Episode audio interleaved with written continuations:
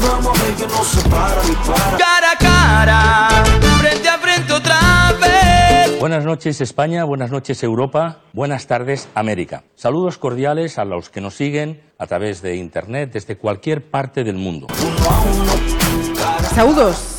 Este cara a cara ten como referente o, o xornalismo con futuro. É o libro que aglutina 10 estudios eh, realizados por investigadores catedráticos e expertos de as tres universidades galegas de Girona, México e Portugal e que forman parte, anotade, da Rede Internacional de Investigación da Xestión da Comunicación. Así que, para comenzar, vou presentar os eh, convidados eh, desta ocasión en Pontevedra Viva Radio. Iván Puentes, que é eh, profesor na Universidade da Coruña e investigador aquí na Facultade de Ciencias Sociais. Benvido. Que tal, moi bien. E Xosé Rúas, tamén, eh, neste caso, profesor na Facultade de Ciencias Sociais. Así é, moi ben, eh, bons días. Eh, Para comenzar, eh, falaba eh, nesa introducción da XESCOM, Contádenos, que é, que fai? Bueno, pois, eh, Xescón é un proxecto que, que iniciamos eh, tres grupos de investigación das tres universidades galegas, vencellados á comunicación, os, os tres, eh, a loxa pois eh, polo ano 2014 que se empezou a se empezou a parir eh, e se concretou e se formalizou no, no ano 2015, non? Eh, e é simplemente, bueno, pois aproveitando unha, uns proxectos de investigación que, que a Xunta de Galicia convoca de, de cando en cando, non, non todos os anos, eh, precisamente para favorecer o traballo conxunto dos grupos de investigación galegos, para que, bueno, para romper aí esa atomización de cada un dos grupos si uh -huh. ese, esa tendencia a ir por libre que moitas veces teñen as tres universidades e favorecer o coñecemento compartido, a colaboración e, polo tanto, a xeración de máis coñecemento, a internalización tamén da investigación e do uh -huh. coñecemento que xeran as universidades galegas e, polo tanto, pois mellorar a calidade desa investigación, eh, bueno, pois decidimos presentar este, este proxecto Os grupos eh, somos, como decía inicialmente, tres. O grupo eh, neste momento chamado CP2, Comunicación Persuasiva, daqui da Universidade de Vigo, do campus de Pontevedra. Eh, Novos Medios, da Facultade de Santiago de Compostela, a Facultade de Ciencias da Comunicación, que é quen lidera o proxecto. E, eh, e o grupo IMARCA, de, de Marketing Aplicado, da Universidade da, da Coruña. Non? Logo sumáronse uns compañeiros da, da, inicialmente de, de, do campus de Ourense, expertos en, en informática e, e no estudio de, de sinais eh, biomédicas, e eh, tamén un grupo de investigación da, de, do campus de, de Vigo eh, vencellado máis a traducción e interpretación. Uh -huh. ¿no? E bueno, con eso que se, que se pretendía, bueno, pois dentro dese objetivo xeral que, que marcaba antes, eh, reflexionar eh, e investigar e cruzar coñecemento compartido desde biólogos, sí, eh, psiquiatras, informáticos, sí, sí. Eh, xente especialista en uh -huh. medicina e demais, eh, sobre a xestión da comunicación no, no mundo actual, non?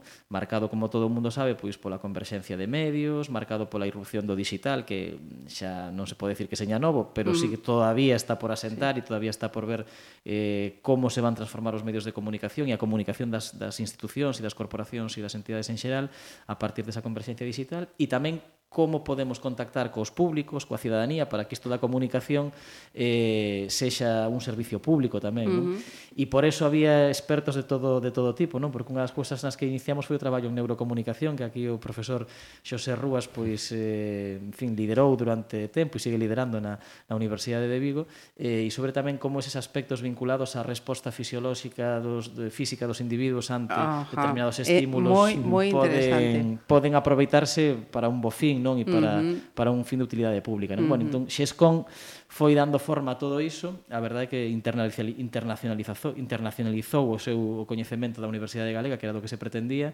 Temos hoxe vínculos xa con multitud de grupos de investigación de América Latina, fundamentalmente, de Ecuador, de Colombia, de Brasil, de, de Chile, eh, tamén con algúns vínculos cos Estados Unidos, co Reino mm, Unido. Bueno, en definitiva, fa algo que ás veces é complicado, que ás veces é máis doado do que se pensa e que en todo caso moitas veces é oculto para a cidade, non que é facer ciencia desde Pontevedra para o mundo, non que é do que uh -huh. do que se trata.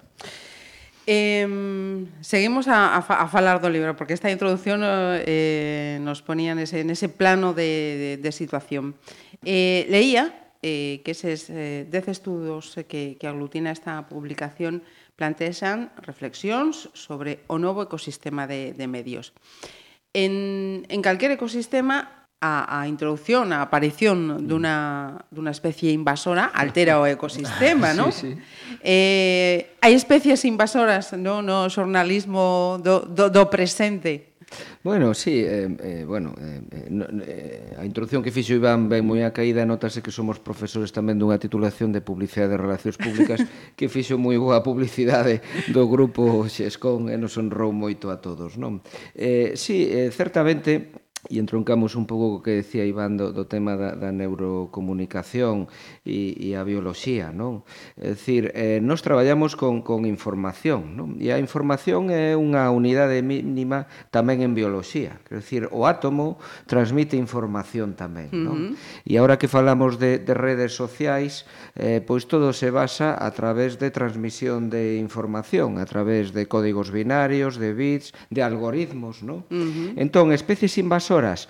Bueno, eh, nos en, en realidad eh, sempre na propia facultade defendemos un, un concepto de, de un dos primeiros decanos da facultade eh, eh, que falaba de investigadores polivalentes, no? Mm, eh, lembro. Eh, entón, eh, en realidade, hoxe en día é difícil saber onde acaba, por exemplo, o xornalismo e empeza a publicidade, non? É dicir, eh, cando alguén manda a cubrir unha roda de prensa a un xornalista, eh, pois xa o feito de escoller que ou seleccionar eh, que entidade se cubre cal non, pois eso de, di bastante. Non? Nos sempre decimos moitas veces que eh, a veces os xornalistas creen que están facendo información, pero os seus xefes saben que están a facer publicidade, non? Que son os que deciden onde vai un e outro, non? Pero máis aló lonxe destas digamos, discursións eh, corporativistas, uh -huh. eh, especies invasoras, eh, si, sí, hoxe temos claramente, non todo o tema, eh, bueno, a través das fake news, das que falamos no, no libro e podemos falar, non? Sí, a través do, do traballo de, de búsqueda de, de, algoritmo, de algoritmos e da, da, da mediatización, digamos, digital e algoritma, algorítmica que incluso altera procesos electorais. Es decir, uh -huh. eh, non temos, oxe, bueno, eh, temos sobre eleccións Xerais, o propio goberno de España, creou unha unidade específica de vigilancia contra esta invasión eh, de mails masivos, eh, nas eleccións catalanas pasar isto tamén, non? Eh, con moita detección de, de, de mails, eh, digamos, eh, que tentaban eh, destruir un pouco con falsos rumores eh, o proceso electoral en curso, non? E foi un gran problema para moitos países, non? Deste Tamén Iván colabora nun dos, no, nun dos capítulos onde falamos sobre, sobre eh, o neopopulismo e o trampismo, non? eh, o dano que, que fai a comunicación, o xornalismo e sobre todo a necesidade de esta alfabetización digital uh -huh. eh, sobre, bueno, que se chama fact-checking, que é comprobación, algo que sempre se fixo no xornalismo que se chamaba contraste de fontes, ¿no? Que nunca teguís cunha única fonte. Tiña sinalada a cuestión máis adiante, pero xa entro uh -huh. en, en ela. Eh, Xosé, eres coautor dese capítulo dedicado ás fake news, un termo xa instalado que, sí. que sempre chamamos bulos, ou sí, bulos exacto. que existen dende... Sí. Facedes un análise en, en, en positivo, ¿no? De, de, de, esta, de esta cuestión. Como ben decías, uh -huh. oportunidade, ¿no? Uh -huh. por, por unha banda, para que o xornalista exerza esa Exacto. función completa que ten, ¿no? Sí. Eh, e por outra parte tamén eh, para que eh, o, o cidadán eh, este máis alerta, ¿no? Uh -huh. Sí. Na parte positiva, a parte negativa é esa alfabetización digital Exacto. de tener que, Exacto. que comprobar. Uh -huh. Eh, sí, bueno, en realidade, eh, como ti ben dís, non? a necesidade de alfabetización mediática digital. Non? É dicir, eh, hoxe en día, co, con esta opulencia informativa e cantidade de información, moitas destas noticias falsas o único que pretenden é xerar ruido. Non? e xerar eh, rumores. É dicir, e no ruido comunicacional sempre te levas algo. É dicir, eh, sempre te levas... Eh, eh, en realidad todo está inventado, non? É dicir, eh, o que cambia é a, a tecnoloxía, pero como ti ben decías, pois os bulos foron de sempre e os rumores foron de sempre, non? E entonces cal é o propósito básico de un bulo ou un rumor? pois eh, sembrar incertidume, non? E entonces na incertidume, pois eh, a veces eh, o da aquela bella sentencia de Goebbels de facer que unha mentira repetida mil veces se convirta en verdade, non? Entón, a base de repetición, bueno, pois eh, pois eh, se xeneran inestabilidade, non? E todos estes ataques, digamos, cibernéticos, eh, moitas veces o que pretenden é simplemente xerar inestabilidade, non? E na estabilidade está a incertidumbre e a incredulidade, non? Uh -huh. E logo isto evidentemente está compasado que un pouco, si, sí, coido que hai que loitar por unha banda nos medios para recuperar esa credibilidade co contraste de fontes, non? É dicir, hoxe mesmo xa hai eh, xornais en versión digital uh -huh. que empezan a ter departamentos exclusivos eh, a raíz de, do das eleccións en Estados Unidos, non? Departamentos en exclusiva para contrastar, oiga, mira, isto que di esta persoa, esta declaración é certo, nos xa levamos, acabamos de publicar agora outro artigo sobre fact-checking nunha revista de, de investigación, tamén con, con Iván uh -huh. eh, um, sobre e un compañeiro de, de Ourense que el fai, aí fai comprobación de datos, é dicir, simplemente ah, con Andrés Mazaira, non? Do, do campus de Ourense, lo que monitoriza económicamente unha serie de datos estadísticos a través de estadísticas públicas, eh, do paro, eh, eh bueno, eh, enquisas de datos económicos, do PIB, simplemente monitorizar datos públicos e comprobar, por exemplo, se si as cousas que moitas veces din nos debates os políticos son certas, non son certas, uh -huh. ou de onde son as fontes, curiosamente. Un último dos traballos que vamos a publicar agora comprobamos que nos debates entre candidatos um, eh, había un, en torno a un 60% dos datos que daban eran sacados de noticias de prensa, co cual di moito uh -huh. do papel dos asesores de comunicación neste tipo de cuestións. Por lo tanto, identificar as fontes, pois sempre, decir, eh, a propaganda clásica, aquilo que traballaba a propaganda negra, a propaganda gris, o, o seu éxito era non identificar a fonte, moitas veces mm. incluso facéndose pasar polo adversario, non? Entón, eh, bueno, para crear esa inestabilidade. E é fundamental eso, que os cidadáns teñan esas ferramentas. Sí. ¿no? Aí nos preguntabas antes polas especies invasoras sí, en todos sí. os ecosistemas. E é verdade, non? Quer decir, en Galicia a, a, min corresme dúas especies invasoras, non? O, o millo é unha especie invasora, non? Que veu da América e colonizou o, uh -huh. colonizou o país, pero xo millo sentímolo como algo noso, noso absoluto porque obxectivamente axudou a, a combater a fame e a mellorar a alimentación da, da, da poboación, esa por moi invasora que sea, non? Pero está a velutina tamén, que nos destroza absolutamente o, o ecosistema, non? Entón, eu creo que no ecosistema de medios tamén hai, hai millo e hai velutina, é dicir, hai o millo... E eucaliptos. Que, e eucaliptos, que está aí, non toques os eucaliptos nestes momentos. Eh, hai, hai millo e hai velutina, non? Mm. Hai millo que é precisamente toda a irrupción das plataformas digitais na comunicación, que é positiva e ás veces se tingue dunha, dunha significación negativa, non que parece que isto vai acabar co xornalismo e todo o contrario, nós entendemos que é unha Reforza. oportunidade precisamente uh -huh. para o xornalismo de proximidade, de calidade, de, de cercanía coa, coa cidadanía, non que sempre funcionou e sempre foi moi necesario. E, e, pero hai as velutinas tamén, non? E as velutinas son as fake news, evidentemente, uh -huh. non? que son as que destrozan todo ese traballo.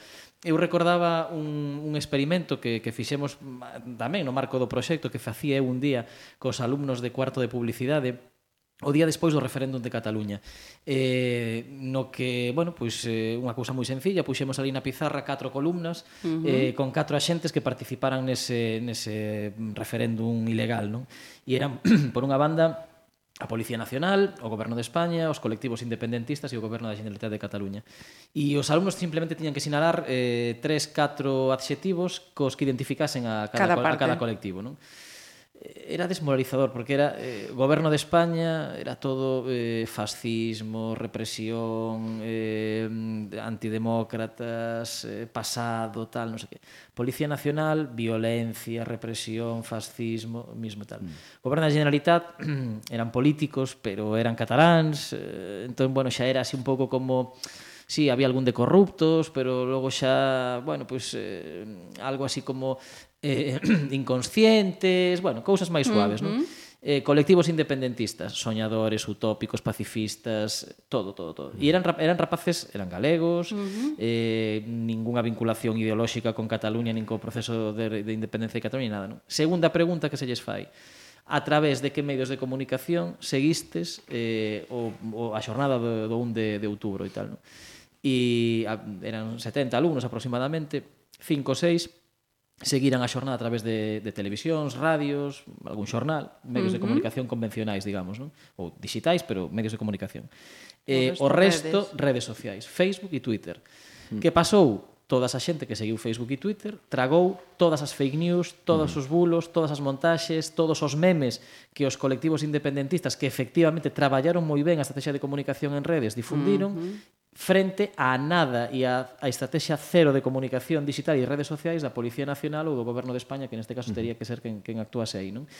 E o resultado é ese, que decir, non hai que ir ao Brexit, non hai que ir a, en fin, a, a, a Trump, é dicir, aquí temos na casa, aquí. non? témolo aquí mm. e, te, e témolo todos os días, xente que consume información crendo que é certa, non? Por eso, a pesar, en fin, como pasou cando apareceu a radio, que iban desaparecer os xornais, cando apareceu a televisión, que iba a desaparecer a radio e os xornais, e hoxe a mm. radio está máis viva que nunca, os xornais digitais están máis vivos que nunca, internet vai significar unha oportunidade, pero precisamente porque chegará un momento no que a ciudadanía se, se dará conta de que está sendo enganada, de que está sendo manipulada e o traballo do xornalista terá aínda moito máis valor do que tiña antes, porque estaremos faltos e xa estamos faltos de ter fontes de información, como decía mm. Rúas, profesionais, fiables, que das que sabemos que aquilo que nos din é a realidade e non son manipulacións. Mm -hmm. ¿no? Sí.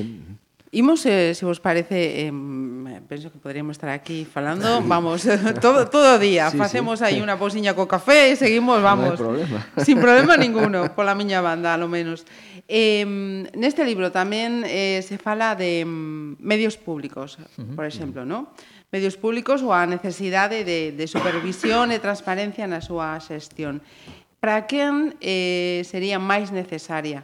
esa supervisión, esa transparencia. Para os profesionales ou para os destinatarios eh, desa, desa información que se ne... Bueno, a, a transparencia, que é unha das cousas nas que, nas que particularmente estou traballando nos, nos últimos tempos, eh, nos plantexámola. Primeiro eh, como unha necesidade, eh, unha, obli unha obriga que teñen os medios públicos cara á cidadanía, polo tanto, como unha necesidade da cidadanía que os medios teñen que satisfacer e teñen que, teñen que prover, non? vivimos na época da transparencia, non? E mm, se lle exixe transparencia a todo, non? As institucións públicas, os políticos, as empresas privadas incluso, non? Cada vez eh, dentro da súa estrategia de responsabilidade social corporativa son transparentes, declaran as súas contas, din a que destinan os, os beneficios, en fin. Eh, pero os medios públicos sempre quedan aí así no limbo, parece, non? Como se si non foran institucións que están precisamente ao servizo Obre. da cidadanía, que, que teñen ademais un, unha responsabilidade que está recollida na Constitución, que é a de informar eh, pluralmente, objetivamente, éticamente e, e representando a pluralidade ideolóxica que existe na sociedade, informar a cidadanía que esta poda ter unha información de calidade e a partir de aí conformar unha opinión pública de maior calidade e, polo tanto, que sexamos máis libres a hora de votar, a hora de opinar eh, políticamente, institucionalmente e a hora de, de, de convivir, en definitiva, como, como país. Non? E, e, insisto, parece que sempre quedou aí un pouco ao lado. Uh -huh. Entón, nós temos unha teima que é decir, oye, os medios públicos son tamén institucionales institucións públicas e, polo tanto, na medida na que dun xeito ou doutro son financiados tamén polos cartos dos cidadáns e por enriba xa de que se financien con cartos dos cidadáns teñen esa obriga constitucional uh -huh. ou no caso dos medios autonómicos recolleron os estatutos de autonomía teñen unha obriga fundamental que é decirlle á súa cidadanía como traballan, de que medios dispoñen, que plantilla teñen, a que se dedican os cartos que se invisten nesa, nesa televisión eh, e, en definitiva, como construen un medio público de calidade. Uh -huh. Eso que moitas veces é entendido como un striptease innecesario, bueno, pois eu nos lonxe deso creemos que o que favorece que precisamente nun escenario no que se ten posto en cuestión a utilidade ou a viabilidade dos medios de comunicación públicos permitiría legitimar a función social que os medios públicos fan sí. perfectamente compatible coa dos privados que teñen outro papel na, na sociedade e que ambos son, son necesarios, non? pero uh -huh. que mm. a dos públicos tamén é necesaria. Xosé?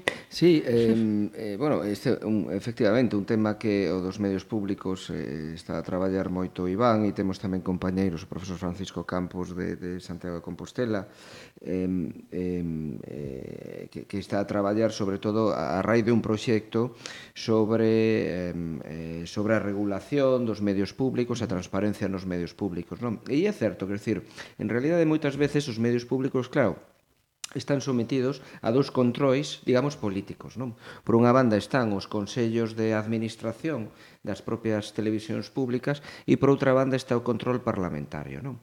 Entón, nunha, nun primeiro momento, a preocupación en realidade era eh, bueno, o político sinte como os medios públicos como parte de, Algo da seu. súa parceliña uh -huh. e entonces satisfacer a, a esos representantes políticos dos partidos nos medios públicos, non? Ese clásico debate, eu, cando cubría información parlamentaria, non? E chegabas á comisión correspondente de CRTVG no Parlamento Galego, non? E vías a preocupación máxima era, oye, que no último telexornal o meu candidato saleu un minuto e o, e o, e o candidato vos un minuto vinte Digo, bueno, e este en realidad o debate de fondo, de transparencia, de democracia e tal. E entón, unha vez superado este primeiro estadio, dis, oye, en realidade a quen servimos, non? É dicir, en realidade é un medio público que se sostén cunhos presupostos que deben ser públicos e va a pasar por cousas tan básicas, tan básicas como colgar dende a propia páxinas web da, das, dos medios públicos, pois as contas dos medios,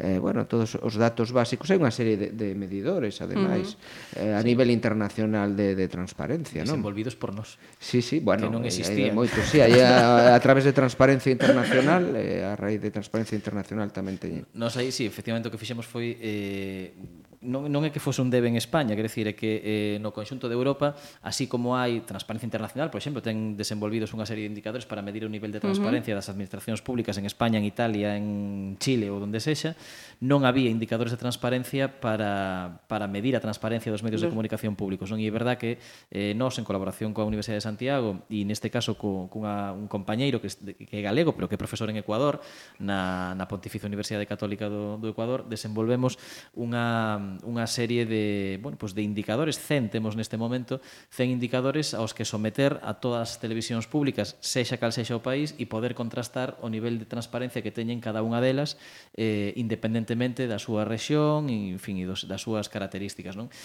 e xa temos varios artigos publicados sobre isto e a verdade é que, bueno, pois os medios de comunicación públicos españois non son precisamente os máis transparentes, non?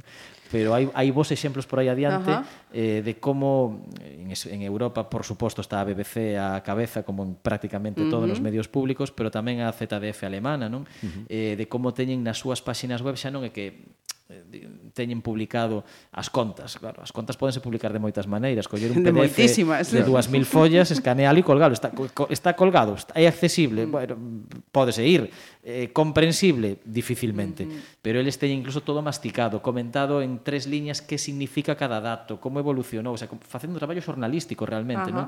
Cunha cunha redacción xornalística comprensible e tal, para que se cumpla fundamental que a cidadanía non só teña os datos a man para poder acceder a eles, senón que os, os entenda e os comprenda, non?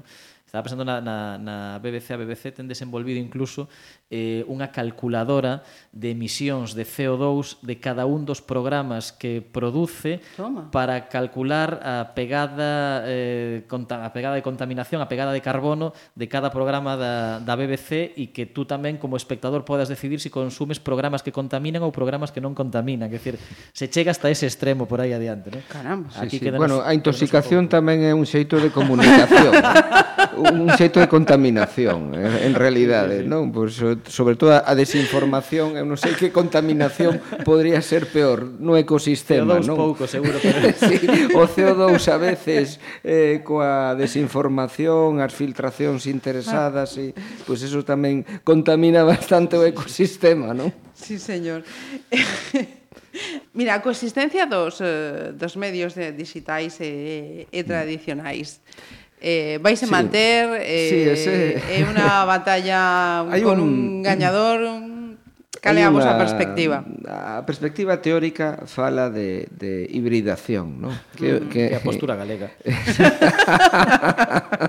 sí, sí, e ademais é moi ecolóxica ahora que se levan os híbridos, non? Hibridación mediática é basicamente unha convivencia, é dicir, eh, cando dúas sustancias conectan, inda que unha sexa a súa influencia menor, como pode ser, bueno, é dicir, normalmente poñamos o exemplo, un, un xornalista que traballe para un medio tradicional, lease tradicional, prensa eh, en papel, en papel radio uh -huh. ou televisión, pois queiras que non sempre vas a ver pois eh, o perfil de Twitter dun determinado político, etcétera, para ver pois nese día uh -huh. pois que movimentos hai e si eso o podes recoller ti para para algunhas informacións. Quero dicir que a túa sustancia pura de xornalismo ou da de calquera tradicional, eh, calquer sustancia mínima ou gota de outra sustancia altera o todo. Uh -huh. É dicir, eh, si tú vos pos unha gota de, de colorante nun vaso de auga, de auga. esa gota non só afecta un pouco, afecta, colora toda a auga en maior ou menor medida. Por lo tanto, é unha explicación moi ecosistemática de eh, que é isto da hibridación. Non? Ah, e outros falan de, de, mm, o, o poder líquido, non? É dicir, o do poder difuminado e o poder líquido, non? En realidade, onde está o poder hoxe en día? Antes, pois, en realidade, pois os que traballes, traballades no día a día no, no xornalismo, pois tías moi claros quenes eran os líderes de opinión. Ahora, quenes son os influencers, non? E quenes eran os, a, os que manexaban, máis ou menos, con tres, catro chamadas a, digamos, a tres, catro uh, responsables de medios de comunicación, frenabas unha crisis, non? Uh -huh. Hoxe en día, frenar unha crisis nesta sociedade líquida e neste poder líquido, que era o concepto este de Bauman, non? Pois, pois é moito máis complicado. Entón, influen e son influídos ambos, non? Uh -huh. eh, quero dicir, quedémonos co bo, non? É dicir, eh, evidentemente a inmediatez se xa se falaba de televisión. Eu sempre poño un exemplo, eh, sigo moito, bueno, por tamén temos unha materia de, sobre comunicación política, non? Entón, todo o fenómeno de, en realidad, ves as eleccións americanas, porque o que ves ves logo que vai pasando no resto, non? Antes comentábamos nas últimas eleccións americanas a cuarta parte, eh, unha enquisa do Pew Research Center que di que a cuarta parte dos estadounidenses só seguiu as eleccións a través das redes sociales. Uh -huh. Siquera xa pola televisión, non? E antes a toma de posesión dun presidente era pola televisión, agora xa a través de Twitter e redes sociales. Pero bueno, voltando uh -huh. ao tema, novos medios digamos, eh, medios digitais e medios tradicionais. Bueno, creo que é unha convivencia tamén, non? Eh, na sociedade, digamos, automatizada no Big Data, Uh -huh. Bueno, pois o humano evidentemente convive co técnico. Quer dizer, xa hai eh, motores que crean noticias, o consumo predictivo eh, datos, de... Sí, meterlle os datos e crean a noticia porque sobre todo pois o que se va eh, a máquina vai aprendendo, quer uh -huh. decir, eh, sí. en realidad en función dos datos que llevas metendo. Entonces, xa hai máquinas, de feito outro día eu poño aos alumnos que hai un, un en, en Japón que presenta os informativos e é, e é un robot eh, Ajá, que, que fala, sí. non? Uh -huh. eh, pero claro, eh, logo o procesamento desa información e fundamentalmente o tratamento e a interpretación da, da información sigue sendo de os profesionais de xornalismo. Non? Porque os robots de momento, claro, a, iro a ironía e sí, os sarcasmos... Galicia, da... claro, de, claro, claro. Na, na sí, televisión sí. de Galicia nunca os veríamos, probablemente. Eso nos pasaba a nós co, co algún experimento de neurociencias, non? Nos sí. temos, por exemplo, un que, bueno, eh, é cun psiquiatra de, de Ourense, que é un programa este de computación lingüística, LWC, Linguistic Inquiry and Word Count, que é eh, para ver a carga emocional de textos, non? Uh -huh. Entón, claro, o programa analiza Valencia, non? Eh, emocións positivas, emocións negativas, neutras, non? Pero claro, logo necesitas pois un lingüista porque o programa de perífrasis verbais non entende, non? Eso de retranca, moi do... de retranca, e de retranca tampouco, tampouco non? Entonces, o mellor, pois, eh, tres verbos eh, entende como tres verbos independentes unha perífrasis verbal que por outra banda é moi frecuente en Galicia, non? Entón, bueno, evidentemente, un exemplo máis de o home e a máquina, non? A necesidade de complementar. Pois eh, precisamente onte, ou antes donte, eh, escoitaba unha entrevista eh, dun estudo eh, un estudo que deu resultado un libro, chamase Sálvese quen poida, Sálvese quen poida en castellano, uh -huh. el título está en, en castelán, e, e fai unha reflexión que non sei se dá medo ou, ou, ou esperanza ao, ao respecto, precisamente vencellado con o que estamos a, a falar. Eh, retomo ese tema da, da Big Data, ¿no? Uh -huh. eh, afecta a como se pode xerar a información, pero tamén eh, como se consume. Iso do, do consumo predictivo vai ir a, a más. O, o check-in que, que decía Xosé vai frear esa, esa cuestión? Non eu creo que te, vai ir a máis. Eh, vai ir a máis e non, e non é necesariamente malo, eh? quero dicir, ás veces mm, en fin, nos asustamos, non? Cando abrimos aí unha páxina web e nos aparece de repente a publicidade da última cousa que buscamos noutra páxina web. É que xa compraches. Ou, en fin, vou facer vou facer publicidade, pero decir, a, a campaña deste ano do corte inglés, non? Ajá. Esta na que lle falaban, nos escuchan, que falaban as sí, sí. Eso é moi real, non? Na, na, os nosos familiares, os nosos amigos sempre che di, non, tive unha conversación, non escribimos en ningún sitio e me apareceu esta da publicidade. No, no, temos tal, eh, experiencias moi evidentes nesta redacción de circunstancias así. Bueno, sí, es, sí, esas sí, cousas sí. pasan, evidentemente, non? Cando lle damos a aceptar a determinadas cuestións por aí adiante que, que logo non nos enteramos. Uh -huh. É verdade que, a ver, aquí hai un debate, un debate ético, un debate mm, legal incluso, non? E a raíz de toda a aprobación do, do recente regulamento de protección de datos da Unión Europea e tal, en Europa moi, moi encorsetado, moi encauzado, non? Eh, e logo hai unha oportunidade, non? Eh, Eu sempre lles digo mesmo aos alumnos, non? Eh, tamén é unha cuestión xeracional aquí, non? Pero lles digo, mire, en internet todos gratis, verdad? Nos queremos entrar na páxina de Pontevedra Viva e, e consumir información de calidade gratis.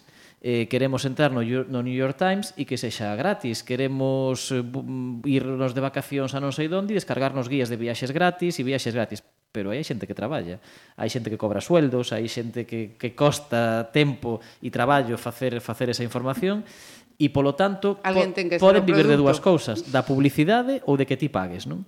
Eh, polo tanto, a publicidade segue sendo non, xa non tan necesaria, senón incluso máis necesaria do que era no pasado. Nos, o decano que, que nombraba Rúas antes, que nos decía de comunicadores polivalentes, que foi Manuel Fernández Areal, Ajá. o primeiro decano efectivo da, da, facultade. da Facultade de Ciencias Sociais, uh -huh. nos decía outro aforismo que era eh, donde está la publicidad florece la verdad. ¿no?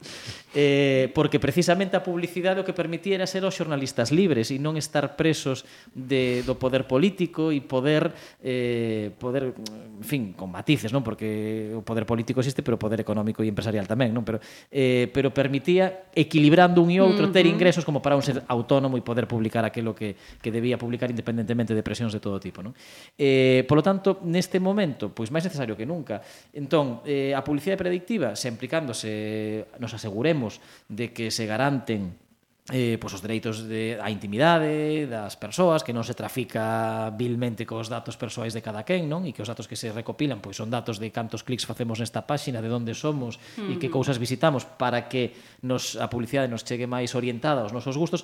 A mí pareceme positiva e sobre todo permitirá seguindo que internet sexa un espacio gratuito e un medio de consumo universal, prácticamente, e máis democrático que ter que pagar porque pensemos nunha, nunha sociedade na que a información de calidade sexa de pago, non? Eso tamén mm. implica unha diferencia por clase social e que as clases máis poderosas teñan acceso a unha información veraz e as clases baixas ou medias baixas estean supeditadas ás fake news e, e, e bueno, e polo tanto non podan vivir en igualdade en igualdade mm. de, de, co, co resto da cidadanía. Por lo tanto, creo que a publicidade predictiva vai ir adiante. De feito, Un dos problemas da televisión pública en Europa neste momento é como financiarse. Uh -huh. eh, hai mil modelos, ningún deles eh, asentado. Eh, e, e precisamente a televisión digital... Eh, un dato, un paréntese. Hoxe en Europa e en España é unha das poucas excepcións, aínda que está aí, pero en Europa hoxe o investimento publicitario en internet xa supera o investimento publicitario en televisión, cando a televisión foi o rei da publicidade uh -huh. desde hai moitísimas décadas, non? En España está casi casi equiparado e é cuestión de un ano ou ano e pico que que internet supere xa uh -huh. a televisión, non? Entón, que pode facer a televisión ou que poden facer os xornais para competir? Evidentemente, eh, nas súas versións digitais ou a televisión, a Smart TV, que rexistran xa datos de consumo de audiencia, de que canales vemos, a que horas e demais, eh, orientarse hacia, hacia a publicidade predictiva.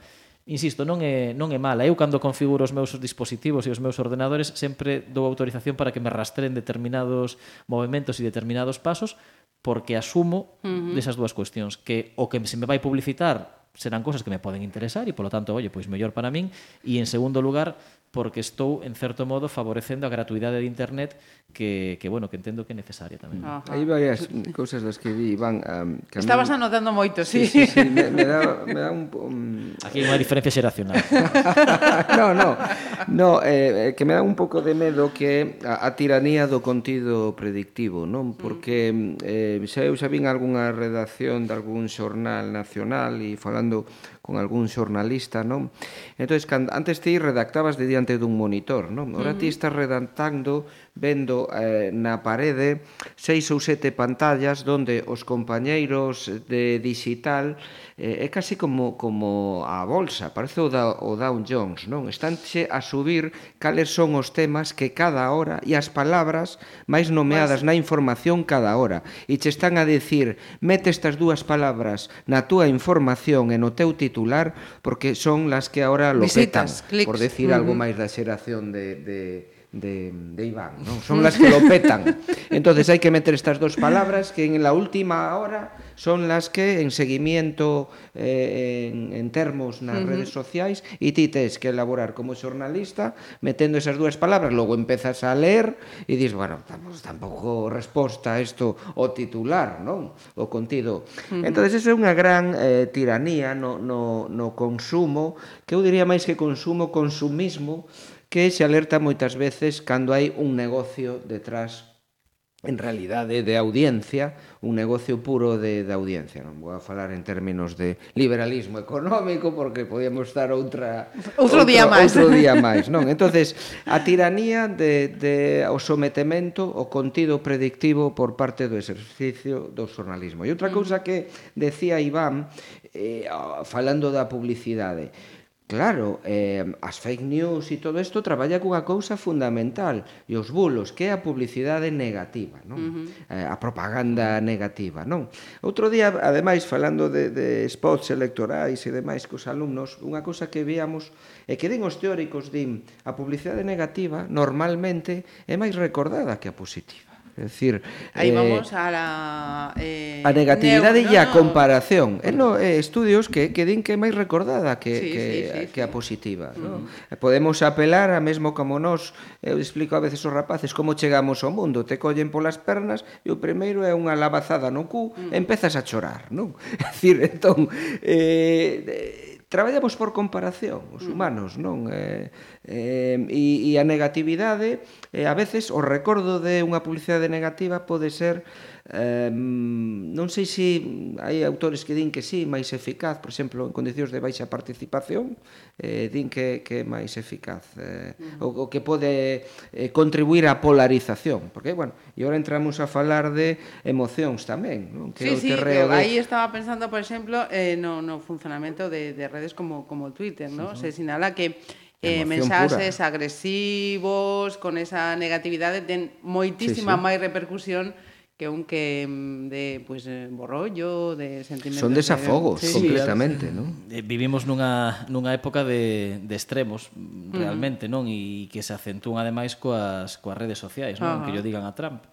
Eh, eh Trump é un, bueno, en España veremos a ver que pasa xa temos que. Que, que pasa despois, que, que pasa Vamos despois tendo trampiños xerais, hasta nas eleccións municipais, pero... xa florecen moitos trampiños. Pero sí, pero poderemos ter poderemos ter cousas experiencias para carencias que xa estamos tendo, non? Uh -huh. eh, e que apuntan maneiras, non? Pero en todo caso, digo, de Trump, que é un fenómeno moi curioso, non? Eh, non queda ninguén nos Estados Unidos que non saiba que Trump mentiu na... Uh -huh. non é que mentira, é que claro. mentiu descaradísimamente e organizadamente. Con, organizadamente, contou máis mentiras que verdade na e súa campaña non electoral. non importa, entramos no terreo claro, claro. da posverdade, non? Eh, uh -huh. e máis, eh o Rúa sempre o conta, non? O New York Times que ten unha unha ferramenta eh, que en tempo real vai analizando sí. o discurso de Trump e detectando que é mentira e que é verdade. Si, sí, ademais ten un, un, é un Pinocchio, chaman un Pinocho, que é, é unha ferramenta de fact-checking, entonces é a nariz e vai crecendo, uh eh, -huh. están chequeando todas as declaracións que fai, entonces vai crecendo... E pita constantemente e tal, non? Pero aí xúntase iso con un estudio que, que líamos outro día precisamente eh, que mm, os seres humanos estamos programados para, para dúas cousas, non? eh, primeiro para actuar emocionalmente máis que racionalmente, uh -huh. e iso aplicado a todos os ámbitos, e en segundo lugar para asumir que non nos equivocamos, non?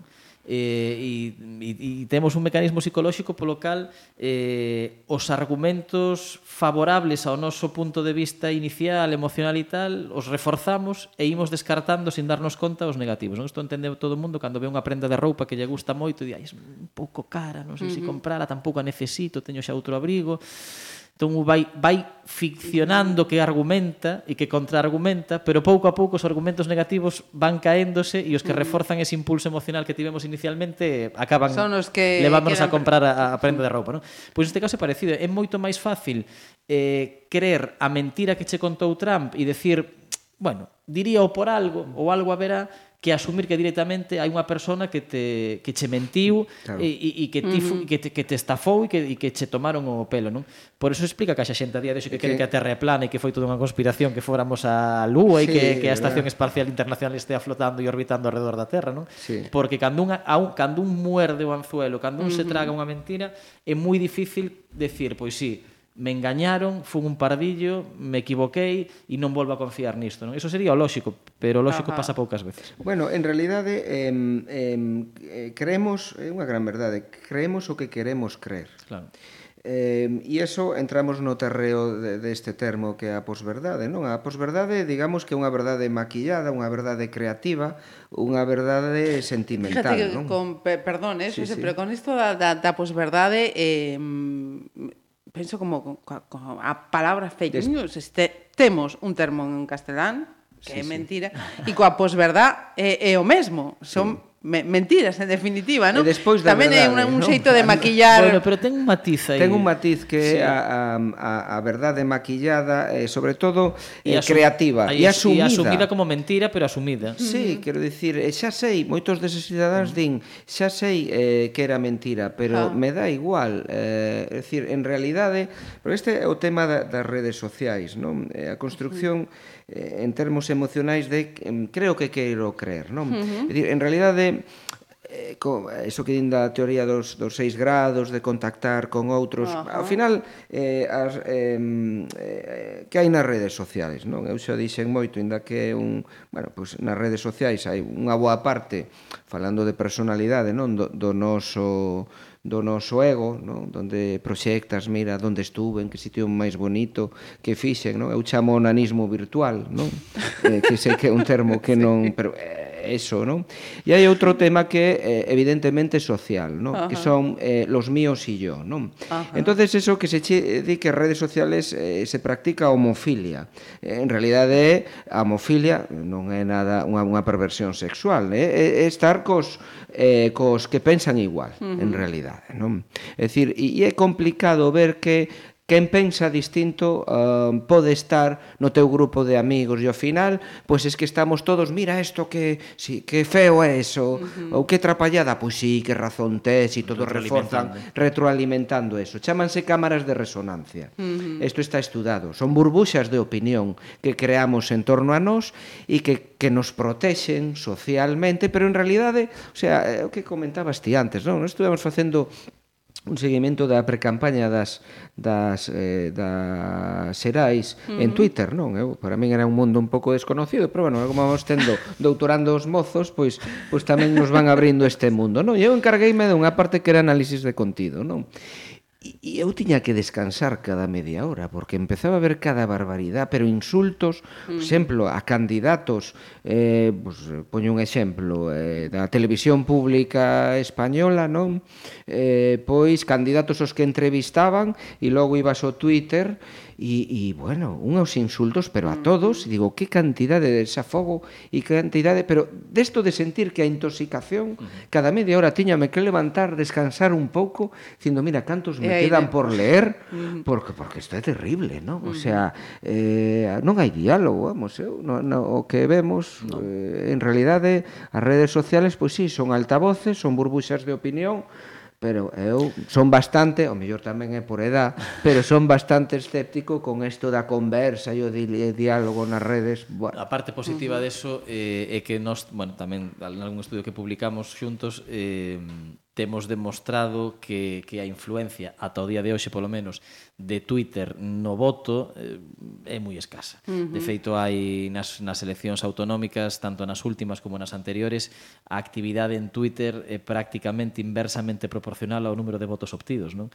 Uh -huh. eh, por eso que decía Rúas, porque a diferencia do que pasa nos Estados Unidos, nos que sí que hai tradición de seguir a, a líderes políticos de todo tipo e onde a política forma parte do día a día, En España a política avanzou algo, xa está máis penetrada no día a día do que estaba antes, pero é certo que a tendencia en redes sociais é a seguir sempre a, ou eres un troll e, en fin, e te dedicas a insultar e entón dache igual, ou senón eh, as, si, si o sigues sanamente sigues aos aqueles líderes políticos que máis son da túa corda, que son máis afines ao que ti pensas, non? E polo tanto a influencia no voto é moi relativa, non? Logo sí que é certo que de formacións políticas, de novo cuño, que, eh, bueno, gracias a iso poden conseguir mobilizar aos seus para que os seus se activen, voten e así teña máis representación, pero son cuestións moi básicas. É certo que eso se está rompendo, eh, e a mí me pasaba este ano, eh, por primeira vez que lle preguntaba aos rapaces no primeiro día de clase, mm, explicáballes isto, E digo, a ver, primeiro, en España casi ninguén siga xente a políticos en redes sociais, non? Uh -huh.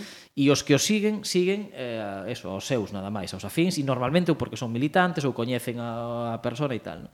E entón era unha clase de 50, e digo, cantos daqui seguides a alguén en redes sociais? Entón levantaron ali a man case a mitad da clase, e dixen, ostra, acabadesme de destrozar a teoría. e, e digo, bueno, pero seguro que, bueno, algo pasará aquí, a verá, non sei, coincidirían aquí Ajá. os das mocidades de todos os partidos xuntos ou algo así, e tal. E digo, seguro que todos seguides a líderes políticos cos que xa, en fin, estades eh, uh -huh. convencidos e tal, non? E dice, no, no, no, no, no, no, no. E eu, como que non? Pero a quen seguides e tal, non? e, e entón a metade deles ou máis da metade deles seguían a Vox, por exemplo, non? Uh -huh. eh, que sabes que xa a día de hoxe o partido que máis sí. seguidores ten en Instagram, Ajá, en España sí, sí, e tal, sí, non? Sí, sí. O seu eh, central. Seguían a Vox, non? E eu decía, seguides, pero pues, hai tantos votantes de Vox nesta clase ou algo así, dicíame, no, no, que va, pasa que, por Santiago Abascal, no? decían, eh, que está colgado, di unhas tonterías, tal, está loco, mira que cousas di, sale montado a caballo en los vídeos estos que fai e tal, e non sei que. E é certo, siguen, siguen como un meme máis ou uh -huh. como, como siguen a, a, ao norcoreano uh -huh. en Twitter por, por humor, para reírse e tal, uh -huh. non? Pero o certo é que a diferencia do norcoreano que de Kim Jong-un que, mm. que é humor puro e duro, eh, aquí non hai humor, aquí hai política. Uh -huh. Hai ah. votos, hai escanos eh, e hai un resultado electoral que vai incidir na súa vida o día despois. E non por ter máis seguidores vai ter máis votos, evidentemente. Sí, sí, Pero sí consumen todos os días a información, información que, está que esa conta, que esa conta sí. está dando. E non van votar a Vox, probablemente. Pero si lles, ese contido, igual que pasou no caso do referéndum de Cataluña que comentaba antes, si lles vai, aínda que eles non o crean, a influir en certo modo na percepción que teñen sobre a sociedade, sobre o país no que están a vivir. Non? Por eso aí sí que hai que... Aí a pedagoxía de como consumir redes sociais eh, na, enseñanza, na ensinanza secundaria, sobre todo, non? pero bueno, tamén a universitaria, e, e ser conscientes de que hai humor, hai, hai entretemento, pero hai tamén información información e hai contido serio nas redes sociais e en Twitter particularmente, que é a que máis se presta este tipo uh -huh. de, de cuestións, é moi importante telo, telo en conta. Non? E veremos cal é o efecto deso a corto a e a medio la... plazo. Nos sempre sí. decimos que un like non é un voto. Eh? entonces uh -huh. hai que explicar moitas claro. veces, claro, eh, evidentemente para un público consumidor netamente de redes sociales, como pues, eh, son os alumnos de entre 18 e 22 anos, pues, é decir, hai que explicar que hai máis mundo fuera de aí, non? Entón, e logo, volvendo ao tema emocional, pois pues, unha cousa son estados de ánimo e outra cousa son sentimentos. Uh -huh. É dicir, en realidade, eh, ti ao longo do día podes expresar distintos estados de ánimo sobre un mismo tema, pois en Twitter ou, ou Instagram, non? Uh -huh. Pero eh, eso que encadene un sentimento, eh, pois é, é máis complicado, non? E sobre todo Pois tamén hai outra cousa, é máis doado darlle un me gusta que acudir a unha manifestación, non? É dicir, antes sí, a manifestación requería un esforzo activo, non? Uh -huh. Entonces, bueno, en realidade esta movilización virtual, pois a virtualidade uh eh, -huh. eh, e a transformación en votos é complicada, Afortunadamente, non? a espiral do silencio, voto oculto, libre albedrío, siguen existindo. Ajá. Eh, estou a deixarme levar eh, por la deformación profesional. Eh? Estaría aquí falando, falando, falando. Mira, antes de, de rematar, entón, evidente que que mudou a, a narrativa xornalística, no? O, estamos a falar, esta charla é un exemplo, e, e adaptámola a, o que está reflectido neste, neste libro, o xornalismo transmedia. Uh -huh este medio, Pontevedra Viva, é un exemplo de, de transmedia dese, pura. Efectivamente. Preguntaba, a diferencia entón eh, sería, para aqueles que, que dirán que, que, de que están a falar agora mesmo, eh, non estamos nun xornalismo que fala o lector, o inte, mm. o espectador, sino que fala co lector, co inte, co, co espectador. E o presente eh, e vai ser o, o futuro. Mm -hmm. Sí, a ver, eu creo que teño clarísimo eh, e de feito estaba recordando unha das prazas as que me presentei na universidade que o proxecto docente era de xornalismo hiperlocal precisamente, ¿no? Eh, e que defendía esa mesma tese, quero decir, eu mm. creo que eh, as tres eh, as tres características fundamentais do xornalismo do, do, do futuro eh, ou as dúas, mellor dito, no, tres, van ser o digital, eh, van ser a conversa, efectivamente, coa, coa cidadanía e o, e o hiperlocal, xa non só o local, uh -huh. eh, o hiperlocal, ser capaz de baixar xa non só ao Concello, senón ao barrio, á parroquia, eh, dentro do barrio a colectivos concretos de cidadáns que, que haxa, que haxa aí e, e, e esa transmedialidade non da que, da que se falaba hoxe e esta casa é un exemplo claro, quero decir, eh, que diferencia hai mm. entre o xornal e a radio? Uf, eh, nos estamos aquí nesta conversa nunha suposta radio, pero que mm-hmm. se vai escoitar a través dun xornal que está nunha páxina web. E máis eh, se o grabas, eh, ademais, podelo estar subindo a un canal de claro, YouTube. Claro, e haberá Ajá, unha, unha cámara que nos permita facer televisión ao Eso tempo, é. non? Bueno, para min esta é a maxia do xornalismo e é precisamente ese, ese axente invasor do ecosistema que é maravilloso e que é fantástico. Que un pode, Somos o millo. Claro, efectivamente. sí, sí. Que, un, que un pode, eh, pode consumir eh, a, os tres modelos de medios de comunicación que antes eran absolutamente estancos, os pode consumir eh, combinadamente e aproveitando o mellor que ten cada un deles. A radio ten un componente evidente uh -huh. de, de naturalidade, de, de distensión, de, frescura, de romanticismo, de frescura que non ten a tele tele, que é un modelo moitísimo máis encorsetado, uh -huh. pero a tele ten un impacto que non ten a radio, mellor para determinados contidos, e o, o escrito pois permite un consumo máis reflexivo. Todo isto unido danos un produto moito mellor e de moita maior calidade, non?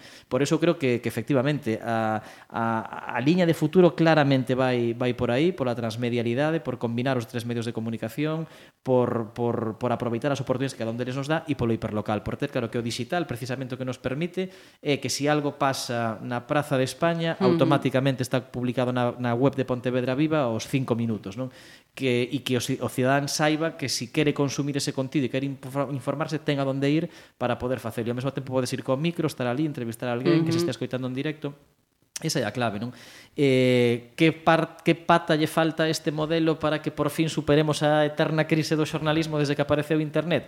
A financiación é a, part, é a pata basicamente que falta non?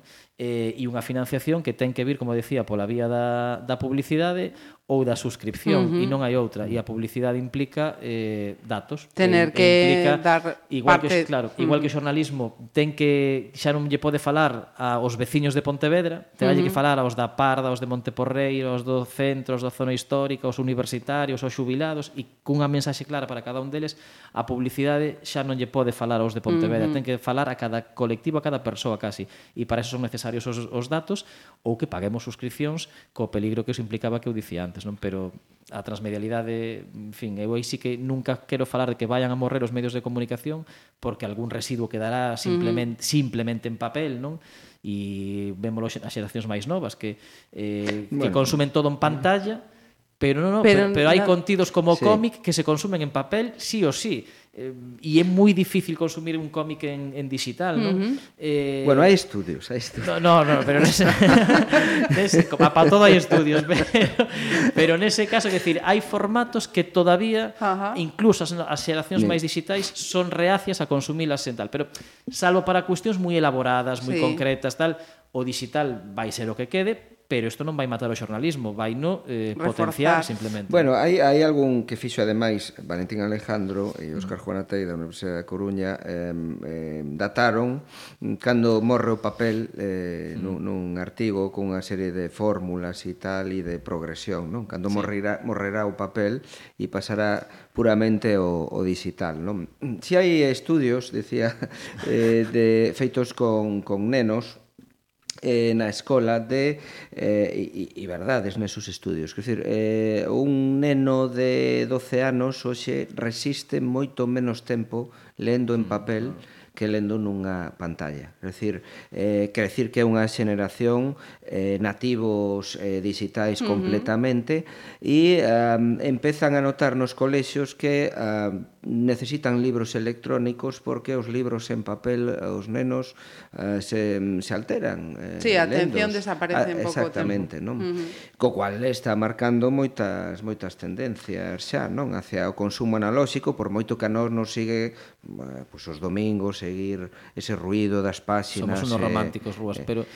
Sí, eh... sí, non, se eu estudei xornalismo, eh, vouche contar unha anécdota que eu estudei xornalismo polo, polo cheiro eh, de, do papel eh, na rotativa. É dicir, eh, bueno, Toma. Bueno, sí, sí, sí, meu, meu pai madrugaba moito, pues, repartía o xornal e eu a veces iba con el a facer a ruta e entonces eu vi as bobinas de papel na, na rotativa, non? Quero dicir... Eh, sí, logo, claro, o ruido das páxinas e tal, pero claro, evidentemente, xa son de outra xeración. Contrastemos isto... eh, nos... Por unha emoción, pre, pre, por unha emoción, pre, pre, por sí, un sí, cheiro... Sí Cheguei ao xornalismo, que me cheiraba ben. Ora hai veces non sempre cheira ben. Solici so solicitei estudar xornalismo, acabei estudando publicidade por unha visita que fixen a televisión española tendo 12 anos ou algo así, me fascinou aquelo e tal, ¿no? Eu dicía, que eu quero ser este. Tal. Y logo, pero, sí. no digo, pero contrastemos es, es, que me ve moi ben ese que decía Rubas Rubas estudiou xornalismo porque por lo cheiro do papel, Eh, e precisamente con, con Óscar Juanate e con Valentín Alejandro da Universidade da Coruña eh, estamos agora bueno, traballando nun proxecto sobre o consumo de prensa en papel en España non? Uh -huh. eh, e, e fundamentalmente sobre algo que é preocupante que é a desaparición dos puntos de venta dos quioscos uh -huh. eh, de feito que hoxe o 70% do territorio español xa non ten un quiosco un a día que... de hoxe que é moito máis que un sitio no que se vende xornal, non? Véndese to, moitos produtos, no medio máis rural é un punto de encontro social, sí, é un sí, punto sí. de, bueno, de, de dinamización de e ademais de colectivos de idade que se non teñen ese quiosque, non teñen ese punto, supón un cambio radical na súa vida, non? Entón, bueno, con esta preocupación empezamos a facer este este estudio, unha das cousas que facemos é unha enquisa eh, a nivel estatal para estudar o consumo de prensa en papel entre os universitarios, non só de prensa diaria, eh, en fin, de todo tipo. Sí. Eh, entre os universitarios españois. E entón, bueno, pois pues ali xente nosa da Universidade da Coruña e tal, deslavazamos aí a cabeza durante unhas semanas e tal para facer un cuestionario eh, cunhas coas preguntas que entendíamos que podían ser máis interesantes e tal. Unha delas era eh, sobre as vantaxes e outra sobre os frenos que a un que un tiña a hora de consumir un xornal en, en papel. Uh -huh, ¿no? E entón era unha resposta con unha pregunta con resposta múltiple, podían ensinar diferentes opcións e pa, pensamos varias, pois o de sempre, pois é difícil de consumir na cama ou sentada nun sofá porque sí. se desbarallan mm. as follas todas. Non ten grapas, ten un formato máis grande, eh non teño links para ampliar a información eh de temas que me interesen. Mil opcións. E entón dicíamos, bueno, antes de lanzala, imos facer un pretest cos alumnos das facultades galegas Ajá. para, sobre todo, pues, para ver que as preguntas entenden de verdade, porque a veces un, claro, co rol profesional pois pues, dá por sentadas cousas que outros non coñecen e tal. Vamos a ver se si se entenden, se si botan de fa en falta algunha pregunta e tal. Non? E aquí en Pontevedra, xusto cunha unha alumna de cuarto, cando estábamos nesto, forma apuntando diversas cuestións que iba anotando para ir modificando no cuestionario, e dime unha, unha alumna, pero eu aquí creo que falta algo e digolle en que? No, na, na pregunta de frenos para consumir diarios en papel. E eu, o que? E me dice, o de tocar o papel. E dígolle, digolle eu, como que to... Como? Non entendía e tal. Uh -huh. Sí, porque é, grimoso ese papel, me decía e tal. Ah. ¿no? E eu, como que grimoso? E dice, sí, es un papel raro, mancha, tiene un tacto raro. Eh, es que, decíame, yo no leo el periódico porque me da, me da yuyo tocarlo, me decía e tal, ¿no? E entón eu, eu dixen, bueno, a ver, aquí unha rara aquí no medio que, que se le va a pensar. E entón comen, comenta isto en alto e máis da metade da clase Pensaba recoñecen que un dos frenos é tocar ese papel que, que, que, que non que non lles mm. gusta que, e claro, certamente un papel peculiar, claro. Pues mira, que diferencia. Eh, que non, nin o papel, nin manchar as mans Tócate, claro, para un nunca, nunca pensaría. E ao final acabamos introducindo esa esa, pregunta, esa, pre, esa resposta e veremos que o que di en Kiss agora cando porque está realizándose pues mira, neste momento un... que cando finalice, non? Pero estou seguro, perdón, que será unha das respostas mm, probablemente máis marcadas, non? Hai un traballo dun compañeiro portugués eh, sobre eh, consumo de información a través do móvil e consumo de redes sociais. Eh, e hai un estudio a nivel europeo que di que o 70% do consumo de información no móvil eh, se fai en dous sitios, eh, no baño e na, na cama antes de dormir. -huh. Curioso, ese para repatar O último que fago antes de dormir é ler sí. o xornal eso, no móvil e no. o primeiro que fago antes de, de levantarme da cama é ler o xornal Que antes non no me din conta cando falaba do, de, do, do cheiro do papel que digo, ostras, estamos en Pontevedra, digo, non toquemos temas sobre sobre isto porque pero é eh, a verdade. Xa non cheira. Pois eh, eu eh, teño anotadas unhas cuantas eh, cousas, eso significa eh, que volveremos a chamarvos eh, para que eh, nos des conta, por exemplo, de, desa de enquisa, Vale. entre, outra, entre outras cosas, estudos que están a facer dende a, a Facultade de Ciencias eh, Sociais, eh, Iván Puentes e o Xosé Ruas, moitísimas grazas. Graciñas a vos, un Gracias a placer. vos. Cara a cara, nos volvemos a ver. Cara a cara. Pontevedra Viva Radio. Oh.